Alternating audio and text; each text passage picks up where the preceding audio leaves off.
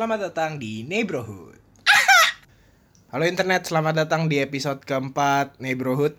Kembali lagi bersama gua Alwan si barista gulu-gulu. ya gua ya udahlah udah pada tahu kan Siapa anjing lo udah kayak terkenal banget rasanya. gua Rehan lagi lagi nemu bahannya anjing Iya biasanya di awal harus lucu ya, tapi Iya. kalau lagi nemu nggak apa-apa deh. ya ntar aja Nggak nih ada yang lucu nih sebenarnya di episode hari ini ya. Tadi sebelum rekaman, nih spesial nih pertama kali dalam hidup gue gue nyiramin tai orang anjing. gue lupa tadi Goblok. Gua nggak pernah gua seumur umur nyiramin tai orang. Itu tai lo udah gue yang pertama ini dong perawanin nyiram tai lu eh perawanin lu nyiram tai orang Heeh. bangsat. Udah hidup tadi tai lo gue lihat. Aduh. Ukur ukurannya udah uh, ada kali 4 cm, udah punya kaki sekarang. aduh itu biasanya udah lagi belajar ngerangkak sih Apa tadi namanya? Tainosaurus Tainosaurus. Hidup tai an dibiarin gitu nggak disiram goblok. aduh udah kita mau bahas apa nih hari ini Kita mau membahas apa ya hari ini? Eh hari ini kita mau membahas yang sesuatu yang pasti setiap orang pernah merasakan. Adera yang badannya gede banget juga pasti pernah merasakan ini. oh. Yaitu rasa takut. Ai. Ih, Gila, bridgingnya udah bagus sekarang ya. takut Takut lu kalau dengar kata takut yang pertama kali muncul di otak lu, Pan? Nggak ada. Patrick sih otak lu kayak Patrick. Patrick kan gitu anjing, otak nggak ada apa-apa. Bintang laut bodoh. takut tanpa kutang iya Iya. brales No, no berade. no brother Ketakutan lu yang paling goblok apa dah? Yang paling sepele banget sebenarnya. Kalau dipikir-pikir kok anjing gua takut ya gitu. Sama ginian doang gitu. Gue suka takut kalau misalnya mau beli apa-apa gitu ngomong ke abangnya suka takut gue kadang-kadang masih. Kan dia kok takut anjing? Kan dia jualan goblok ya. Tahu. Kayak misalnya gue mau jajan nih kadang-kadang gue masih mikir gue ngomongnya gimana ya? Gitu. Ngomongnya gimana? Ya? Bang beli lah. Gitu anjing. Mas, masa begitu aja dipikir? nggak tahu tiba-tiba aja kok. Eh tiba-tiba aja kok. Iya suka takut sendiri gue takut apalah tiga lakukan hal-hal aneh gitu aneh. Ya lu dengan tidak ngomong aja di depan dia itu ada hal aneh bodoh. Lu berdiri depan dia mau beli tapi karena takut lu gak ngomong itu hal aneh anjing. tetap-tetapan Iya. baper lah lo Sampai abangannya mau apa gitu. Mau beli gitu. Terus apa lagi? kodok Kodok. Gue takut banget kodok anjir kodok kodok nih padahal jauh tapi gue udah merinding sendiri betis gue Baba. Kok jauh lu tahu ada kodok? Oh bunyi gitu ada bunyinya. iya ya camping aja camping anjing Itu bukan kodok anjing. Eh, pada gak tahu ceritanya ya gitu dulu. Lu aja lah yang cerita lah. enggak lu aja lah Gua aja. gue Ya jadi dulu ya, kita pernah lah camping sama anak-anak satu komplek gitu di mana ya di tuh. Gunung bundar Oh, di Gunung Bunder ya. Kita pernah camping di Gunung Bunder. Terus ceritanya kita udah buat tenda tuh. Set. Malam-malam pas lagi tidur, gue tidur kebetulan stand sama Rehan berempat berlima gitu lah. jam berapa itu gue tiba-tiba bangun Yang kentut siapa itu? Usman anjing emang Nggak jadi pada suatu eh, pas kita lagi tidur malam itu tiba-tiba si Rehan bangun anjing. Gua waktu itu masih bangun lagi duduk-duduk habis main kartu. Si Rehan bangun. Eh, ada kodok, ada kodok, ada kodok gitu. Anjing, gua bilang, ada kodok di mana? Ada kodok di dalam tenda gitu.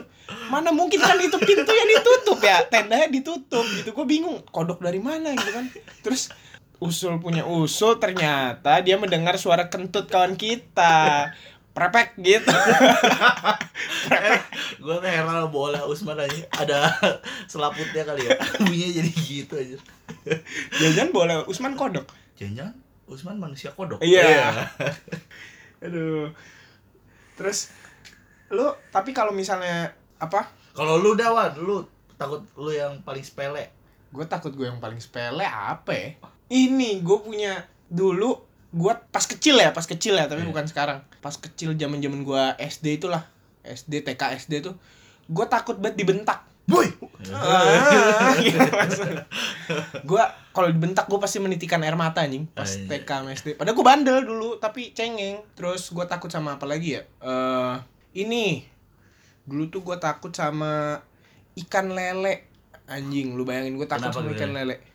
Gara-garanya dulu nyokap gua kalau beli ikan dari kalau mau misalnya hari itu kita mau makan ikan Hmm. nyokap gue beli di pasar. Ikan hidup gitu. Karena di rumah gue sendiri eh maksudnya cuma nama nyokap nggak ada pembantu gitu. Namanya anak kecil kan kalau nggak dikasih sesuatu untuk bermain kan pasti Iya. bosan lah. Akhirnya ikan itu dikasih sama nyokap gue pas masih hidup. Nyokap gue lagi nyang nyangin bumbu-bumbu buat masak ikan yang masih hidup itu ditaruh di baskom biar gue Iya. ada mainan. Gue mainin tuh ikan saat saat Dipatil. dipatil gue Sakit banget. Oh anjing bengkak goblok tangan gue merah gitu nih di sini gue telunjuk kiri gue tuh wah abis dari situ udah Gue pernah sih dipatil. Patil lele. panas rasanya anjing Iya.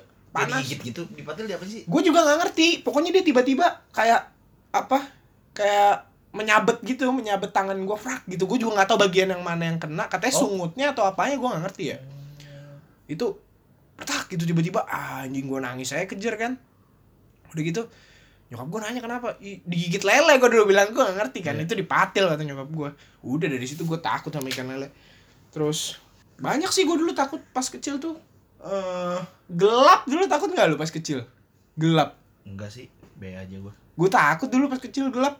Makanya gue kalau tidur sampai sekarang terang. Hmm. tapi bukan karena takut gelap karena udah kebiasaan aja. Tidur terang gitu. Aneh tuh kan nggak gue juga gak ngerti kenapa takut gelap. Dulu apalagi kalau ketahuan nama abang gue kan Dimatiin tuh lampu. oh iya gue kalau masuk kamar mandi tuh udah deg-degan aja dulu abang gue pasti iseng kan wow matiin pernah gue tuh dulu sampai kepleset di kamar mandi gue Iya. pala gue kejeledak sampai abang gue dia diomel-omelin sama nyokap gue Gobloknya pantesan sampai sekarang. Dari kecil gobloknya sampai sekarang. Eh, iya tuh bangsat abang gue gara-garanya. Padahal gue pinter kan, bisa aja dulu gue sebenarnya gue calon presiden gitu. Iya. Tapi eh tapi jadi presiden sekarang gak harus pinter sih. Iya bener. Goblok juga bisa. Kan bisa disetir. Iya. Aduh. ini presiden ini kan. Presiden Uganda. Bukan. Apa? Wakanda aja. Iya. Uganda nanti kalau orang Uganda denger enggak enak kita. Orang Uganda kan ngerti bahasa Indonesia Oh, goblok. iya deh. Tapi lu sebenarnya paham gak sih apa itu takut sebenarnya? Paham tapi susah dijelasin dah kayaknya. Takut. Takut ya yang sesuatu yang kita takuti. Iya, aduh. Itu takut. iya bener sih. Jadi sebenarnya Han, ini menurut Wikipedia nih. Aja. Iya. Wikipedia. Tokopedia anjing. Oh, beda-beda. Tok takut toket lagi gue takut adalah suatu mekanisme pertahanan hidup dasar yang terjadi sebagai respon manusia terhadap stimulus tertentu seperti rasa sakit atau ancaman bahaya. Terus beberapa ahli psikologi juga menyebutkan ternyata bahwa takut itu sebenarnya adalah emosi dasar. Sama seperti ketika lu ngerasa senang, Marah. sedih atau marah. Iya. Ya, kayak gitu. Jadi makanya lu ada nggak temen lu yang atau orang deh lu kenal gitu yang merasa dirinya sangat berani dan tidak punya takut. Gua soalnya kenal beberapa orang kayak gitu. Kalau gua ada kayak teman-teman SMA gua ada yang kayak gitu kayak sebenarnya gua bilang sih itu dia apa ya pura-pura berani aja gitu Iya. karena emang takut tuh sebenarnya perasaan paling dasar yang pasti dimiliki setiap manusia Emang kalau iya. normal ya Hmm. pasti karena itu kan sebenarnya mekanisme pertahanan diri kan Iya benar-benar. jadi ketika lo takut tuh sebenarnya adalah hal yang bagus karena lo tahu ada bahaya yang mau datang. Berarti kita manusia gitu. Iya, kita manusia. Eh, tapi hewan juga bisa takut. Oh iya benar. Berarti kita makhluk hidup gitu. Betul. Lah, ini putri malu aja ada takutnya. Iya kan, kalau Iya. kesenggol Malu. malu nggak takut ya? Malu itu takut. Enggak lah. Tahu Lu- malu. Iya. bener kan? Enggak enggak. Tapi ngomong ini ya ngomong-ngomong takut, malu. Jadi sebenarnya takut itu adalah sesuatu apa suatu mekanisme kan tadi ya. Suatu perasaan yang sebenarnya spesifik banget Han. Jadi takut itu harus dibedakan sama kondisi emosi lain. Orang itu sering salah kaprah antara takut, cemas dan gelisah. Beda ternyata. Kalau takut itu harus ada kalau perasaan takut ya. Jadi Hmm. dia harus ada ini apa? stimulusnya. Apaan tuh stimulusnya? Stimulus tuh kayak pemancing kenapa kita takut. Ada alasannya. Lah cemas gelisah juga dong. Cemas gelisah itu sesuatu yang cemas dan gelisah benar bisa apa? bisa harus ada alasannya Hmm. tapi dia sebenarnya sesuatu yang nggak mengancam yang sebenarnya nggak mengancam kayak lu gelisah kadang-kadang nggak nggak jelas gitu alasannya kayak cuman yang belum tentu terjadi gitu loh sebenarnya. Kayak misalnya lu gelisah nih aduh bulan depan gue bisa bayar kontrakan nggak ya? Gitu. Gue bisa bayar kosan. Ya kan belum tentu kejadian kan? Itu kegelisahan Berarti namanya. sama kalau ah gue takut mati kan belum kejadian mati. Tapi kan itu kan sesuatu yang akan pasti terjadi di kehidupan manusia. Kalau lu ngomong gelisah karena nggak bisa bayar kontrakan belum tentu bulan depan lu nggak bisa bayar. Tapi kalau mati kan ya kita tahu lah pasti semua manusia bakal mati. Itu kata Wikipedia sih. Tapi gue kurang setuju sama Wikipedia. Kenapa kenapa? Kalau lu gimana menurut lu? Misalnya gue takut gagal itu berarti masuknya gelisah karena gue takut gagal apa? Cemas nah, iya sih sebenarnya. Iya kan? iya bisa bisa bisa diperdebatkan sih. Iya sih lu juga merubah Iya. ini gua sih jadinya. Bener bener bener ya? Iya. Kan belum pasti terjadi. Heeh. Kita bakal gagal apa enggak Iya, tapi dia menjelaskan. Jadi Wikipedia itu menjelaskan bahwa ketakutan itu emang spesifik katanya. Itulah kata dia ya. Jadi, nih nih gue bacain aja ya. Ketakutan itu harus dibedakan dari kondisi emosi lain, yaitu kegelisahan yang umumnya terjadi tanpa adanya ancaman eksternal. itu apa takut Heeh. Iya, gelisah itu berarti masuk dalam takut Yang umumnya terjadi tanpa ada ancaman eksternal. Itu ke, itu ketakutan maksudnya. Kalau ketakutan tuh harus ada ancaman eksternal dulu. Katanya gitu. ah nggak percaya gue sama Wikipedia ya udah kita lanjut aja kali ya Iya anjing daripada pusing-pusing menyepakati apa itu rasa takut tapi kalau pastinya tak lu sepakat kan bahwa itu mekanisme pertahanan diri Iya, sebenarnya benar. dan itu adalah suatu yang sangat wajar kan hmm. sama seperti kita merasa seneng sedih Hmm. marah itu takut itu sebuah perasaan aja sebenarnya tadi kita udah ngomong ketakutan lu yang paling sepele tadi lu ngomong lu takut sama apaan yang sepele ketakutan lu yang sepele itu ngomong sama abang-abang kalau beli jajan Eh, alasannya karena yang lu karena takut Aneh abang- gitu. iya aneh terus kalau sama kodok kenapa lu takut Iji, eh jijik, jijik sama takut beda bang. Takut lah sama kodok. Lu nggak takut sama kodok? Enggak sih, biasa aja. Kodok depan muka lu misalnya gitu? Ya nggak nyaman aja gua Ah. lah. Apa pun yang di depan muka gua. gue takut dah sama kodok. Kalau cicak, Ih, sama. Kok tahu sih anjing? Oke, cicak, kodok. Pokoknya binatang yang nggak punya eh binatang yang lembek dah badannya kayak squishy gitu. Kagak ular, ular lu takut nggak? Tapi gue berani megang ular waktu Oh. study tour. Anjing badan lu gede, takut sama kecil-kecil gitu ya. Aduh, Lu takut kecoa anjing? siapa? Lu? Kagak gua nggak takut kecoa gua. Oh. Kecoa nggak terbang ya. Tuh kan. gue kecoa terbang juga berani berani. Gua, eh, gua kalau kecoa terbang, gua takut gua kalau kecoa terbang. Siapa anjing yang nggak takut sama kecoa terbang? Gua. Lu nggak takut? Enggak. Wah, hebat lu berarti lu. Gua belum gua belum tahu sih ada orang yang nggak takut kecoa terbang. Lu kecoa terbang tuh Apa nih, makhluk paling mengerikan anjing. Apa sih tinggal dicepak anjir? Ya anjing, kalau masuk ke baju lu, Gue pokoknya binatang kalau bukan yang lembek-lembek gue berani anjir. kecuali lembek ya.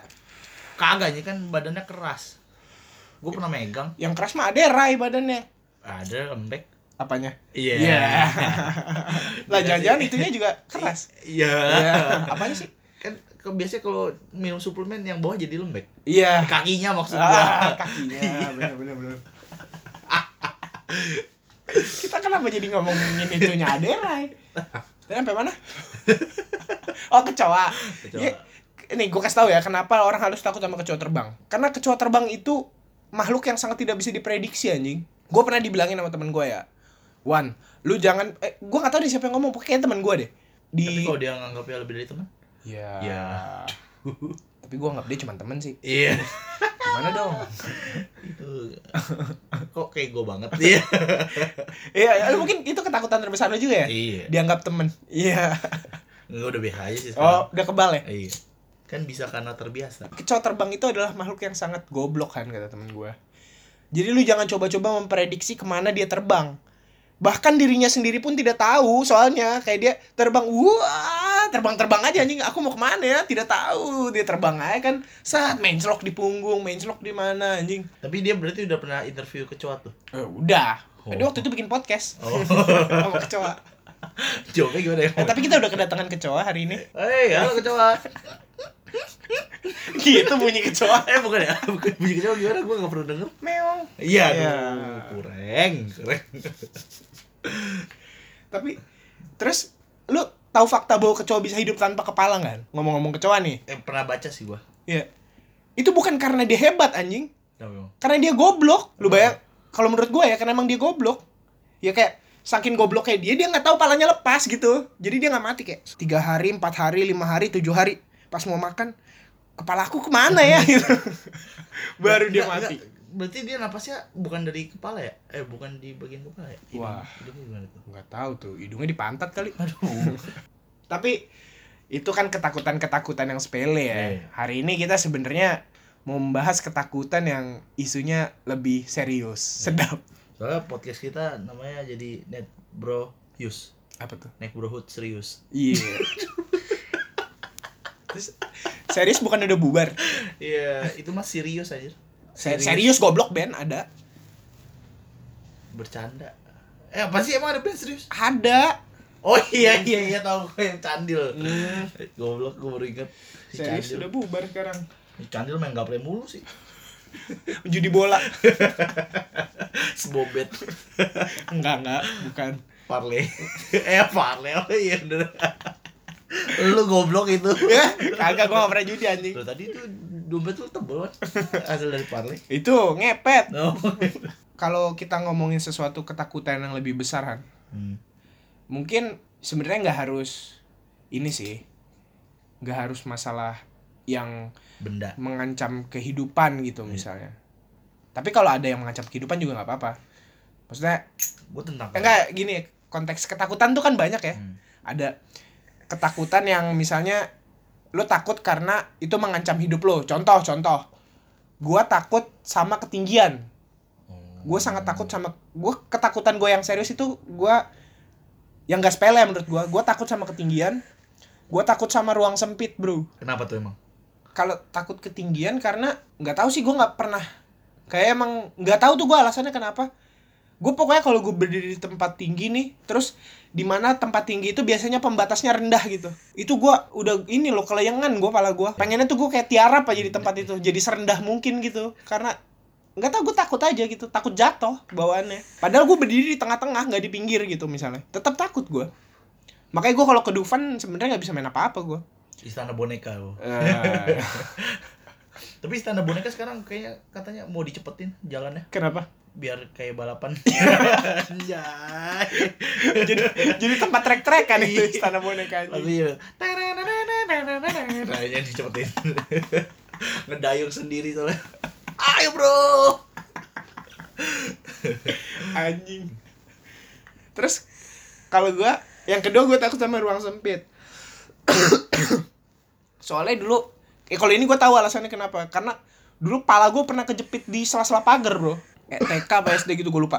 Itu dari posisinya jam 3 sore sampai jam 4 ada sampai setengah lima kali. Karena gue lagi main di teras rumah gue sendiri teras rumah gue yang dulu tuh gue main terus gue posisinya hari itu gue lagi nggak boleh main sama nyokap gue jadi gue main di teras teras aja kan. Teman-teman gue pada main depan rumah. Gue ngiri akhirnya gue main main gitu. Tapi main sama temen gue tapi gue di dalam rumah gitu posisinya terus ada posisi gue mau ngomong sama temen gue pala gue gue selipin nih ke sela-sela pagar Set pas masuk bisa mau keluar oh, tidak bisa Akhirnya tuh? akhirnya saya tidak berani teriak ke dalam karena saya tahu saya tidak boleh main kan Iya. sebenarnya Terus kalau saya ketahuan main ntar saya dibentak karena saya takut dibentak juga jadi saya udah takut makin takut tadi.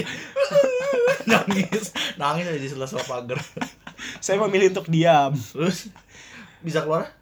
Nyokap gua juga akhirnya tahu kan "Eh, apa mau bilang nggak boleh main kamu kan? Loh, itu durhaka tuh sama orang tua katanya aduh. Akhirnya dengan bantuan ini waktu itu hansip komplek. Di dia ditendang pala lu. Badar banget bocah katanya. agak pagernya diituin Di, pakai oh di bu- apa, dipotong di- gitu. Pakai apa gunting rantai kayaknya waktu itu gue lupa. Keluar dah pala gua. Lu takut apaan? Ketakutan yang terbesar nih di hidup Serius lu nih. Serius nih kita sekarang nih. Masuk ke inti nih. Karena kan ini tema requestan Hmm. lu nih. Gua pertama takut kehilangan, iya iya. Terus? Takut ditinggal, Heeh. sama takut nggak diterima gitu maksudnya nggak diterima misalnya lu masuk ke lingkungan baru terus Hmm, ngerti gua. Nih Iya. bahasanya jadi seru nih. Bisa dua Iya. jam lagi nih podcast nih. enggak Gimana tuh? Lu tadi pertama lu takut kehilangan. Coba lu ceritakan dulu latar belakangnya kenapa gitu ceritanya. jadi semenjak yang bokap gua meninggal terus itu gua takut banget kehilangan kan Heeh. makanya alasan gua jarang eh iya jarang pacaran tuh maksudnya pacarannya masih bisa dihitung jari Hmm. ya karena gua takutnya mal kalau gua udah ini apa namanya rasa gua udah dalam banget ay sedap. Ya, jadi takut aja Hmm. gitu kan lu tau lah nah itu takut apa Kehilangan. Kehilangan. Terus takut apa lagi tadi? takut ditinggal sama aja sih Sama ya Iya. karena ayah Iya, pokoknya iya ini keluarga lah ya bokap nyokap lu meninggal tuh soalnya jadi pas bokap gua meninggal nyokap gua drop banget tuh gua jadi ah, anjir sampai segitunya. Tapi emang bener ini sih nyokap gua pas bokap gua meninggal nyokap gua drop pokoknya sampai masuk rumah sakit juga tuh. Sampai parah sakit. Kok gua ketawa ya? Sakit. Sorry sorry. Sakit parah juga. Eh sakit parah apa sih gua lupa sakitnya? Bokap. Eh, bokap lu bukannya? Nyok- bokap gua mah serangan jantung. Iya. Enggak nyokap gua langsung ngedropnya ngedrop parah sampai rumah sakit dua minggu apa. Iya iya gue inget ceritanya. Iya sama takut nggak diterima. Ah nah takut nggak diterima. ini takutan ya gimana sih kalau misalnya lu masuk lingkungan baru gini ya Hmm. lu menjadi orang yang benar-benar baru gitu eh iya jadi gua sebenarnya kalau misalnya masuk lingkungan yang baru adaptasinya menurut gua gua lambat gitu tapi kalau menurut Hmm. orang mungkin menurut lu gua gampang iya beradaptasi lu ya? menurut gua lu sangat orang sangat supel sebenarnya gampang bergaul Tapi- makanya gua agak kaget juga kalau Iya. ngomong gua gimana ya gua udah kayak ngelatih diri juga sendiri jadi Hmm. ya mencoba f- f- inilah fit gitu Hmm. Emang lu pernah nggak diterima gitu sama circle atau lingkungan tempat lu bergaul sehari-hari, tempat lu kerja, apa sekolah gitu. sering sih anjir zaman dulu gua kapan ya Zaman-zaman lu kayak tai dulu ya kelakuan. kagak dari zaman SD geng-gengan tuh kan SD geng-gengan gak sih lu Enggak, gua SD cupu sih. iya gua geng-gengan nah suatu waktu karena gua pengen ikutan main masuk geng gitu ya Anjing. Ada tataran. kagak gua masuk geng terus bercandanya nggak masuk sebenarnya di gua Hmm. ya itu akhirnya gua ya gak jadi gak, gak di gak dianggap gitu Hmm, jadi dari situ lalu Iya. ada rasa insecure gitu ya. iyo i Tapi ngomong itu tiga hal itu kan sebenarnya ketak takut kehilangan, takut ditinggal sama takut nggak diterima itu semuanya pernah gua rasakan dulu. Dulu ya dan sekarang sudah tidak Biasa, lagi iya. anehnya kalau gua. Kalau lu masih sampai sekarang? masih sih masih ada rasa insecure Gua nggak tahu kenapa, mungkin cara orang apa ya menerima satu hal beda-beda kali ya mungkin gara-garanya itu ya. Hmm. Kalau gua yang pertama takut ditinggal dulu mungkin ya Iya. kalau gue ngomong takut ditinggal takut ditinggal sam eh takut ditinggal dan takut kehilangan Hmm. justru trigger poinnya untuk gue tidak takut terhadap hal itu lagi adalah ketika gue nyokap gue meninggal Iya, eh gue juga sekarang mau kan gue udah bener-bener udah nggak ada nih. Hmm. Ya gue juga udah merasa apalagi yang perlu gue takutin. Maka udah, persis Udah, udah ibarat kata kayak udah mati rasa sih Bener. jatuhnya Hmm. karena kebal kali ya, udah udah udah biasa aja. Hmm. Jadi gitu. kalau gue ngera kalau gue mandangnya kayak gini nih sebenarnya dulu dulu banget ya gue tuh nyokap gue pas nyokap gue zaman nyokap gue sakit-sakitan setiap hari tuh pas nyokap gue tidur gue ngecekin mulu Iya. buka pintu aduh gue takut tiap hari tuh kayak takut tiba-tiba nyokap gue nggak ada gitu apalagi nyokap gue kalau lagi kumat gitu penyakitnya Oh. wah anjing gue pasti tidur sebelah dia Hmm. pas nyokap gue meninggal gue ada momen di mana kayak gue sadar bahwa wah gue udah kehilangan hal terbesar dalam hidup gue Ya, apalagi yang gue takutin. iya gue mikirnya kayak apalagi yang mau hilang silakan aja. Kalau gue Iya. udah nggak takut lagi Udah sekarang bodo amat gue juga Eh, jatuh gue udah pasrah amat. aja. ayo apa mau uang? Gue udah nggak takut anjing. Iya. uang hilang. Mungkin ini kali ya cerita sedikit ya anjing. Jadi curhat nih. Gue dulu lu Orang kan emang dengerin sukanya dengerin aib. iya. Mungkin cerita dulu kali ya. Hmm. gue gimana ya ceritanya? Jadi gue itu mungkin lu belum tahu cerita ini Han. Karena ini gue kan anak baru lah di komplek ini kan sebenarnya. Eh dulu pas gue zaman zaman gue SD mau SMP gitulah gue sebenarnya bokap gue tuh kan kerja di salah satu perusahaan negara lah. Hmm, perusahaan BUMN. negara BUMN negara gitu kan. Posisinya ketika itu bisa dibilang ini bukan buat sombong-sombongan ya cerita aja nih cerita kan karena masalah takut ya kan. Iya. posisinya sangat lumayan sebenarnya sangat lumayan.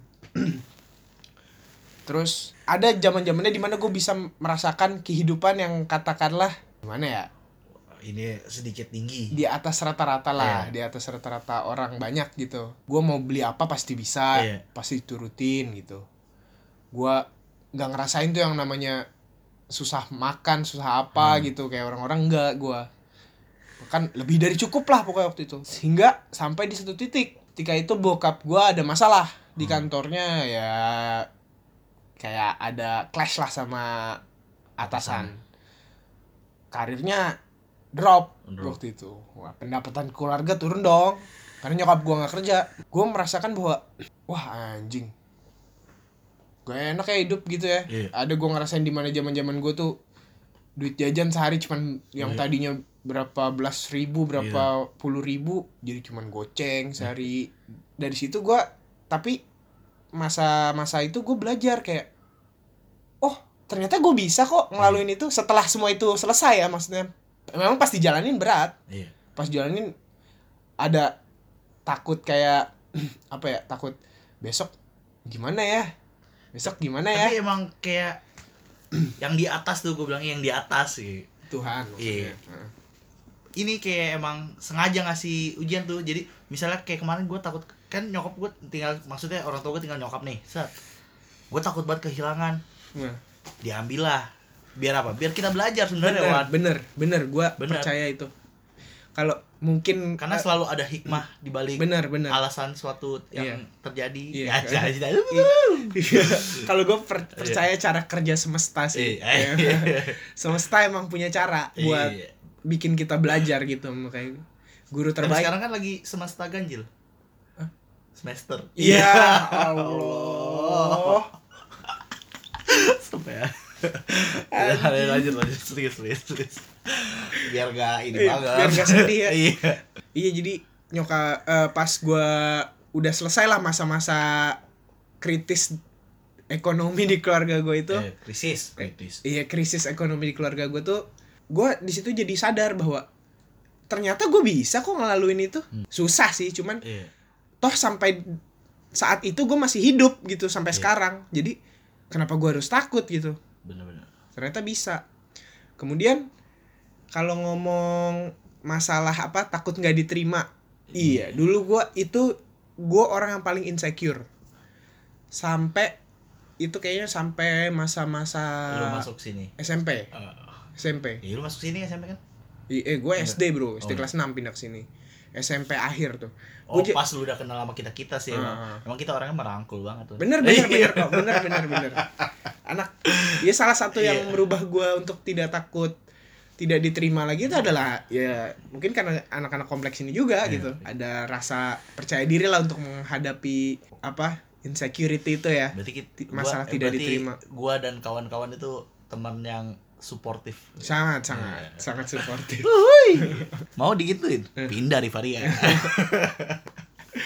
Iya, tapi jadi gini ceritanya dulu gue tuh apa ya dari SD gue orangnya selalu memikirkan perasaan orang lain. eh, gua sampai sekarang sih gua itu mah.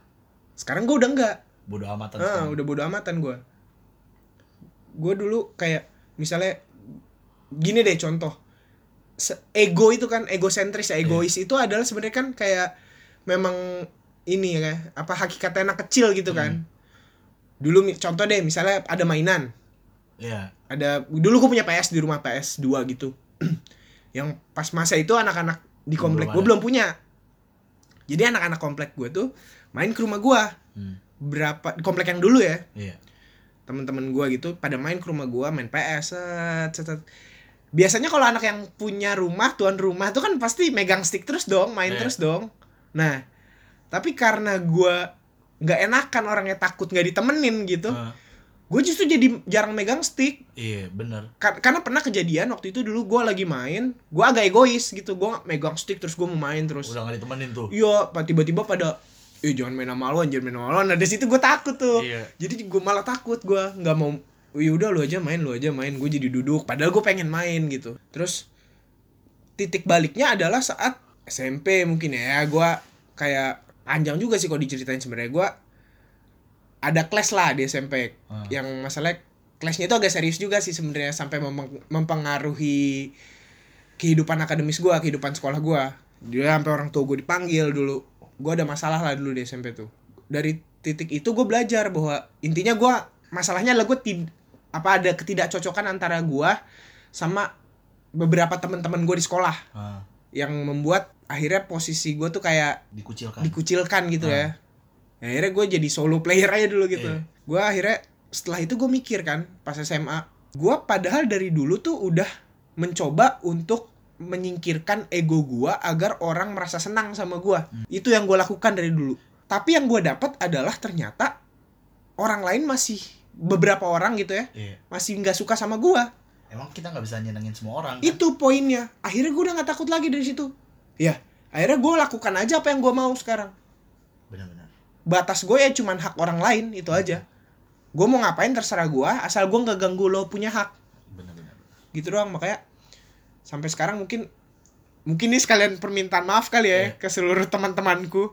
Kalau aku sering terlihat agak tai atau berlaku kurang pantas gitu ya aku minta maaf karena sebenarnya gua se- itu sudah tidak terlalu Iya. apa ya tidak terlalu peduli lagi dengan apa yang dirasakan orang bukan artinya gua Eh, nggak mikirin Nggak apa-apa. orang lain juga cuman gua memperlakukan orang sewajarnya saja Iya. tidak nggak kayak- sespesial itu iya lu jangan berharap gua harus begini ke lo harus harus nge-treat lu dengan rasa hormat dan lain-lain. Hmm.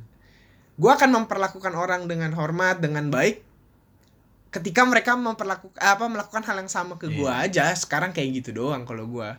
Jadi gua orangnya sangat sewajarnya saja sekarang tapi gitu. gue pernah tuh zaman SMA Hmm. SMA kelas satuan. Gue Hmm. udah maksudnya ya circle gue lah tuh. Hmm, hmm. nggak tahu kenapa gue tiba-tiba dijauhin. SMA tuh? SMA kelas 1 waduh nggak tahu kenapa. Terus karena gue orangnya nggak suka digituin ya gue langsung ngomong aja belak belakan Hmm. pas itu pas ma apa apa ibarat kata makrabnya lah. Hmm. udah mau naik kelas 2 gue ngomong Hmm. kenapa sih gue kelas 1 gue dijauhin wan. Kenapa sih gue diginiin ini, ini? Terus alasannya ada satu orang teman gue ngomongnya lu mah ini kan egois. Kalau ngecengin orang tapi nggak mau dicengin balik. Lah bukan gimana nggak dicengin balik gue nggak pernah dicengin gue gituin aja. Ya udah tapi akhirnya karena udah waktu sih ya udah Ber- biasa aja. berbaikan akhirnya. Nggak baikan juga Nggak tapi baikan juga cuma ya, ya udah, lupa gitu. lupa aja Iya. ya emang kayak kadang-kadang kayak gitu sih. Jadi karena gara-gara gue sering ngecengin orang. Kan gue bilang karena kelakuan lu tai.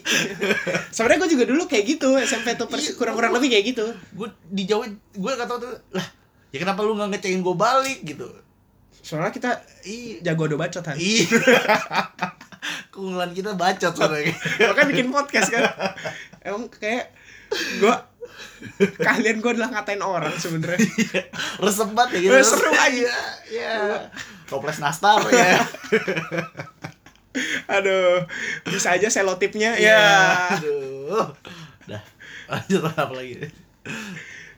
Terus kan kalau setelah kejadian itu eh, apa setelah lu apa? ngelalu ngelaluin itu ya, semua. ngelaluin itu semua akhirnya kebal gitu. kebal gitu kan. Tapi ada nggak satu masalah yang apa satu ketakutan yang sebenarnya udah terjadi berkali-kali sama lu tapi lu tetap takut gitu sampai sekarang?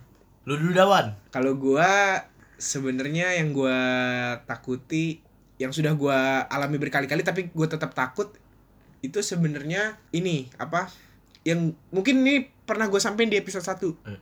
takut nggak bahagia. Iya. Itu berkali-kali. Gue tuh orang yang paling takut ketika gue sedang merasa sedih. Gue nggak tahu kenapa gue paling nggak bisa menerima saat gue sedih gitu. Gue takut banget kalau lagi sedih tuh kayak karena gue merasa hidup gue berhenti kalau lagi sedih. Kayak gue nggak bisa produktif gue nggak bisa ngapain.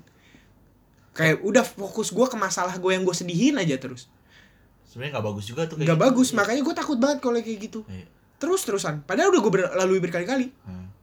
tapi tetap gue akan ta- terus takut sama hal kayak Tapi gitu gara-gara lu yang ngomong takut nggak bahagia, gua sudut pandang gua bener-bener berubah sih pas kita bikin episode 1 tuh gara-gara lu kan serius Iya, ga- gara-gara apa takut nggak bahagia bener sih. Gua alhamdulillah kalau gitu gua sekarang nggak ngejar materi lah. Materi nanti rezeki mah udah ada yang ngatur gue bilang gitu kan. Bos yang ngatur. Iya, Iya bener sih anjing, anjing. Masih jadi budak. Pak Haritanu yang Iya, ngatur kan? gue sekarang gua nggak tahu. Kan kemarin-kemarin gue takut gagal misalnya kalau gua nggak Mm. kenapa-napa nggak sukses apa gimana. Mm. sekarang gua iya sih. Sekarang miskin aja bisa bahagia kok. Makanya. Ya kan? Gue selalu pemikiran gue yang kaya aja belum tentu bahagia wan. Itu itu. Iya. Gue kalau mem- memang sudut pandang lu pakai adalah materi untuk di hidup ini gue bukannya munafik ya. Materi siapa sih yang nggak butuh? Gue juga pengen lah jadi orang kaya men. Iya. tapi maksudnya itu nggak jaminan buat bahagia. Nah, emang klise kedengarannya. Iya. dan itu tapi benar terjadi di hidup gue yang kayak tadi gue bilang kan pas hidup keluarga gue lagi susah-susahnya juga justru malah makin solid. itu yang mengeratkan keluarga gue iya benar-benar zaman zamannya keluarga gue lagi enak banget secara finansial iya. bokap gue jarang di rumah kan benar-benar emang abang gue punya duit pada Hmm. main terus keluar kan. Abang gue umur jauh sama gue kan. Gue SD kayaknya abang gue udah SMA ya pasti kan keluar pergi kencan atau ke mana gitu Iya. kan. Tapi karena nggak ada duit semua di rumah jadinya. Iya. di rumah ngumpul kita nonton ngobrol. Ngobrol, nonton Malah film bareng. quality time ya kan? Quality time. Di situ gue justru kayak ngerasain Eh. ih kok bahagia ya? Itu benar-benar gitu iya makanya malah. terima kasih Alwan. Sudut Ada- pandangku berubah.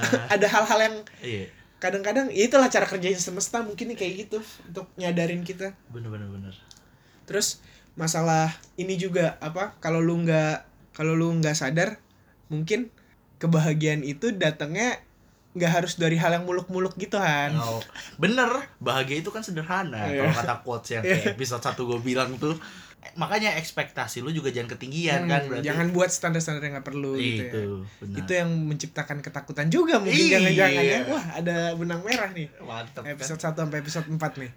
Makanya dengerin terus ya.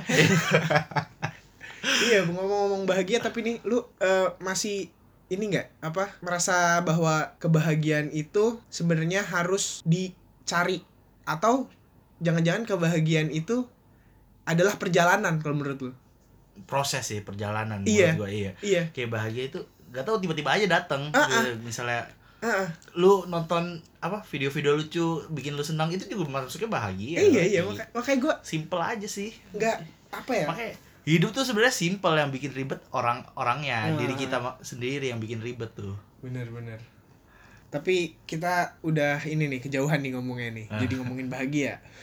Iya kan yang penting takut takut nggak bahagia Iya sih, takut nggak bahagia. Balik lagi ke laptop nih. Kalau tadi kan kita ngomongin ketakutan-ketakutan yang penting terbesar ada nggak ketakutan yang sebenarnya tidak beralasan gitu?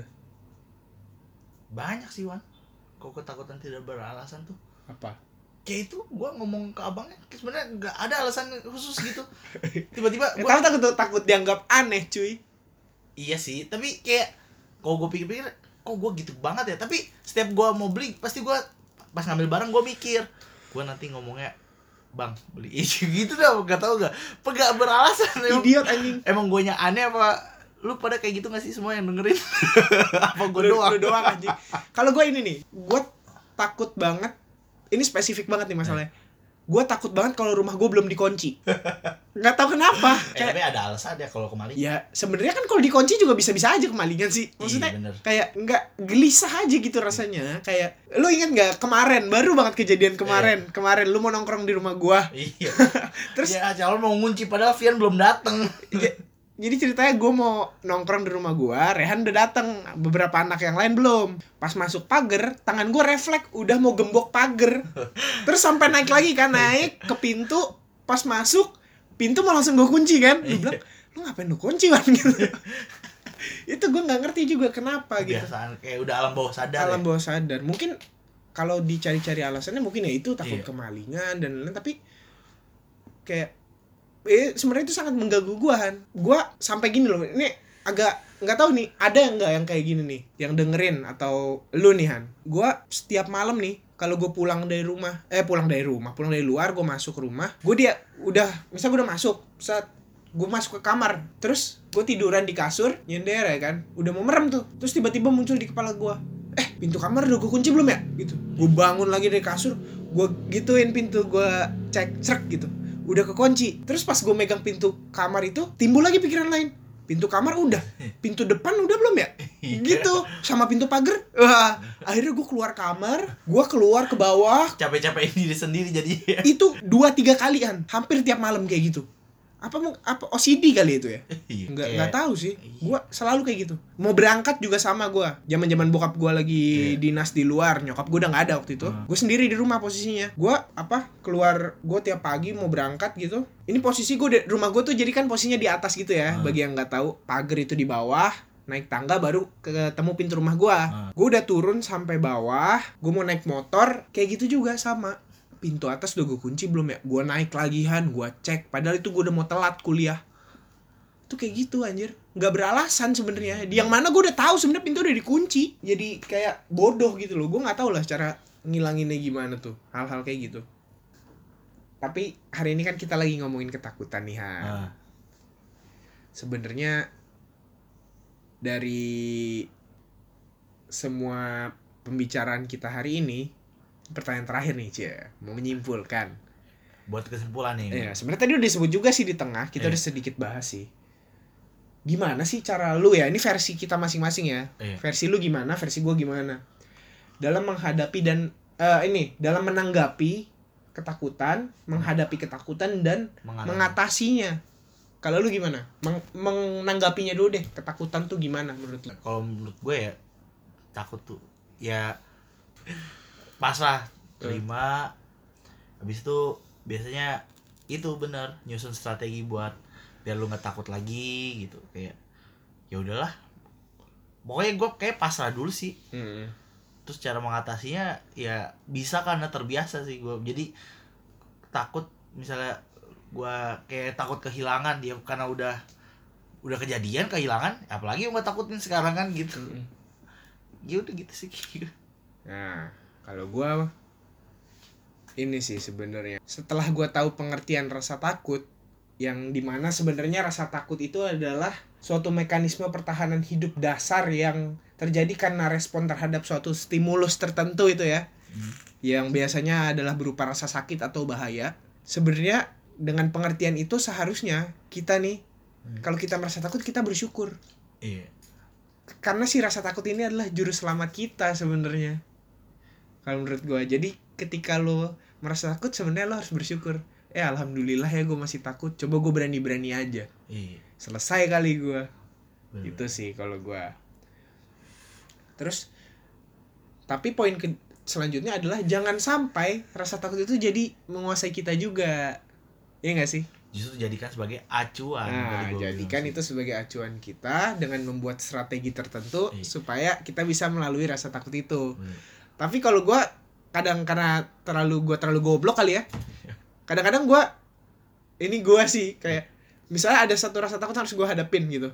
Misal ini contoh kecil aja ya, kayak gua harus gue pergi ke Dufan gitu sama teman-teman gue teman-teman gue maksa ayo naik ini nih nih Eh, apa waktu itu histeria atau apa gitu mainan yang tinggi tinggi lah pokoknya daripada gue mikirin lama-lama kan sebenarnya nggak bikin yang bikin gak nyaman kan rasa takutnya itu Iya. kan gue nggak mau lama-lama merasakan itu gitu kayak Ya, gue nggak mau lah. Udah bodo amat lah udah, Iya. naik aja biar selesai gitu Iya. semua kalau gue kayak gitu sih.